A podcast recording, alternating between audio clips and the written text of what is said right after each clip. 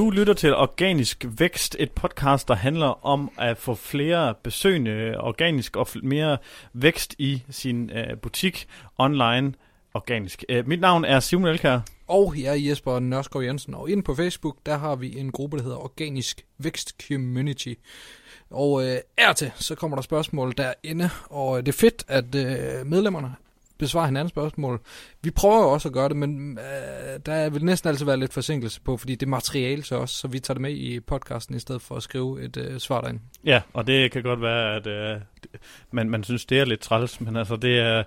Ja, det er både godt og skidt, fordi alle får noget ud af det på den her måde, fordi jeg ved, at øh, hvis man øh, skriver eller svarer noget inde på Facebook, jamen så skal man jo være der i samme øjeblik, ligesom for at få noget ud af noget, så, mm. så alle lytterne, de, de får jo ikke at se svaret. Og jeg kan specielt godt lide den første her, fordi han har lyttet med. Ja.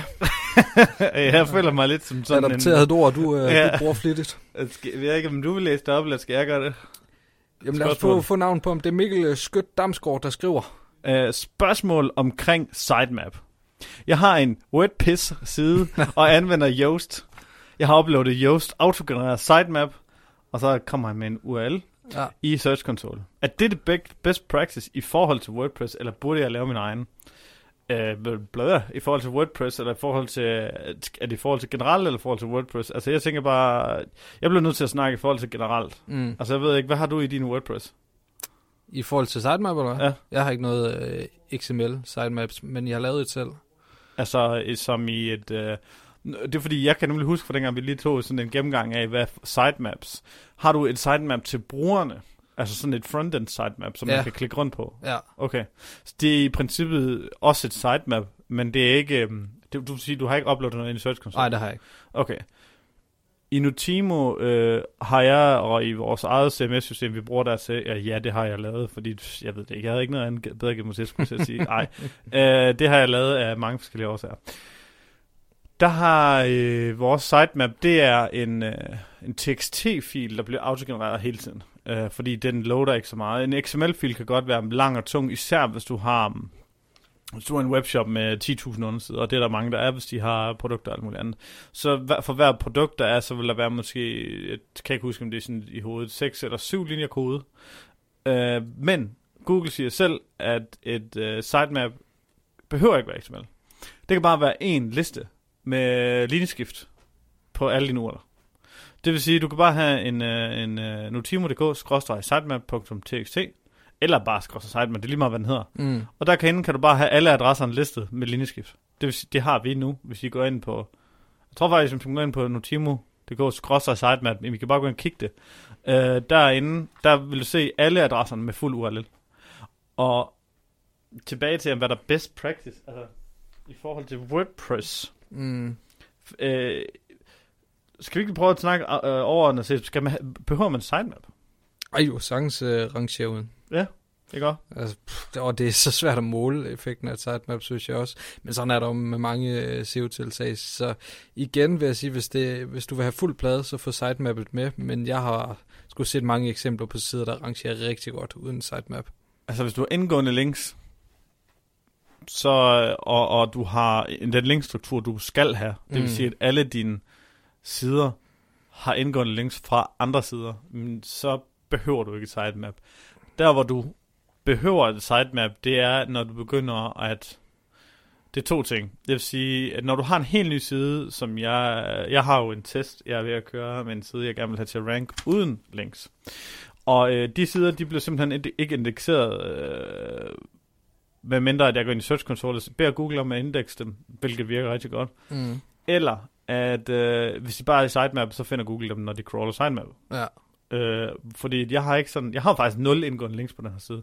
Øh, men øh, og vi kan så snakke om senere, hvor meget trafik jeg har. øh, men øh, hvis du har så frisk en side, så synes jeg, at sitemap, det kan man lige så godt lave, fordi det er ikke noget, der kræver det store af en. Øh, om det er rigtigt eller forkert, det, skal, det er sådan rimelig basic. Det skal bare indeholde en liste af dine URL'er. Øhm, den anden ting, hvor man virkelig skal have et sitemap, synes jeg, det er, hvis du har så mange så mange URL'er, at det kan godt tage noget tid, måske uger, før Google finder nye produkter, du har oprettet. Ja. Øhm, typisk hvis du har en rigtig stor webshop eller retailer, så opretter du sikkert mange produkter hver dag i din shop. Uh, og jeg har set, at det kan tage helt op til tre uger, før det nyt, side, nyt, nyt produkt bliver indekseret.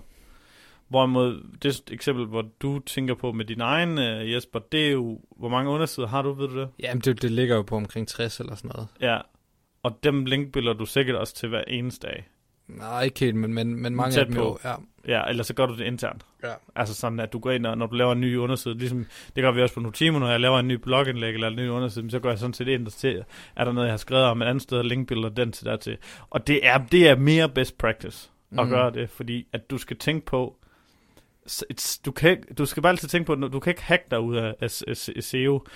Du skal tænke på det, ligesom om at Google prøver på at forsøge den bedste brugeroplevelse. Så hvis du mener i din egen side, dit interne link, at at noget er relevant for det, de lige sidder og læst om, jamen så Google finder det jo også relevant for hinanden. Så hvis, hvis du skjuler sider, og ikke har interne links til dem, øh, og gerne vil have dem med i Google, med et sitemap eksempelvis, jamen så kan du det med et sitemap, men du skal ikke have sider, du ikke vil have interne links til. Nej.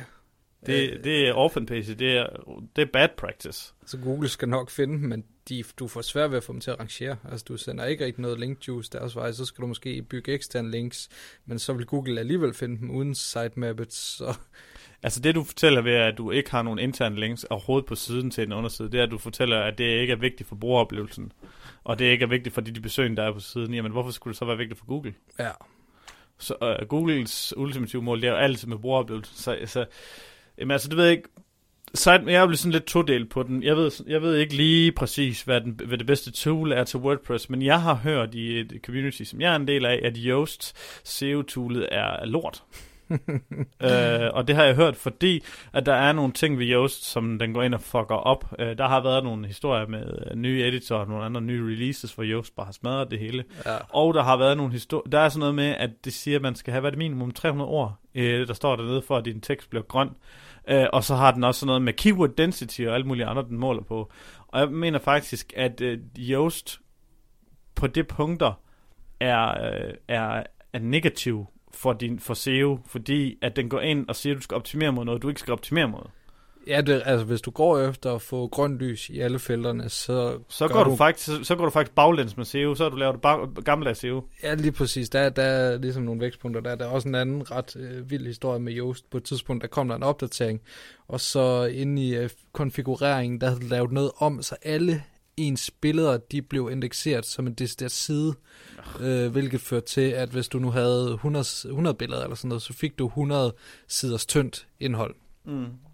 Jeg har jo købt mig et kursus øh, i noget, hvor øh, det er noget WordPress, øh, de fleste bruger. Jeg har så valgt at være den eneste af derinde, der ikke har en WordPress. Jeg ved ikke, om jeg så kan få noget ud af det. Men øh, en del af det kursus, det er sådan lidt, fordi jeg gerne vil se, øh, det er noget indholdmæssigt. Øh, det er sådan, jeg tænker det er lidt som noget content marketing, og jeg synes egentlig, det er meget spændende at være en del af. Øhm, herinde, der øh, anbefaler ejerne af det, og de bruger det også på deres egen side, jeg har set det virke, det er, at standard WordPress er bedre end Yoast. Hvis du har et tema, der er okay. Mm. Fordi at du skal bare sørge for, og det er sådan, men det er sådan en, det er sådan en rigtig blogger-ting. Det her det er kun for bloggere, og det er sådan, måske hvis du har noget webshop eller noget andet, så kan det godt være, at du har nogle problemer. Men det er derfor, at vi også, altså de, de går efter, de har sådan en, en, en, en, en nøgle, der hedder, altså din, din H1, din overskrift på selv blogindlægget, det, det kommer jo så automatisk op i din title tag. Og det er jo det, der skal trække hele din CTR, men det er også, vi har set eksempler på, hvor at, og title tagget og, og overskriften var fuldstændig forskellige. Og det er virkelig slemt. Mm. Og det kan være, fordi man har siddet og overoptimeret i Yoast for eksempel, hvor det ville have været bedre, hvis de slet ikke havde haft Yoast. I det, også i det eksempel. Så jeg tror ikke, at for nybegyndere SEO-folk, der tror jeg, Yoast kan være værre, end, end at ikke have noget. Ja, fordi man stiger så lidt blind på, at man vil selvfølgelig, altså den grønne farve er jo dejlig at se, men det er vist ikke nok, at, jeg må indrømme, jeg kigger ikke på det mere, for jeg ved jo godt, hvad Nej, jeg men, skal og det, det, efter. det, det, det, er det, der jeg tænker på. ja, Keyword density går den altså på. ja det, der, der er vist, det er rigtig nok, at der er nogle ting, der er sådan lidt forældet dernede, som den øh, anbefaler, og det, det er selvfølgelig problematisk, men der er også nogle ting, som er, som er rare nok ved Yoast. Du har mulighed for at øh, sætte no-index på via Yoast. Ja, Det, det, det, det kan jeg så forstå, at, det, at, at hvis du gerne vil nå index nogle, nogle tags-sider Ja. og, og nogle archive-sider, men det tror jeg også, du kan ved noget, der hedder All-in-One SEO, øh, har jeg hørt, øh, hvor den skulle være bedre, simpelthen fordi den ikke anbefaler øh, forældet SEO. Så mm. Mm. nu kommer vi faktisk ind på noget helt andet her i det her.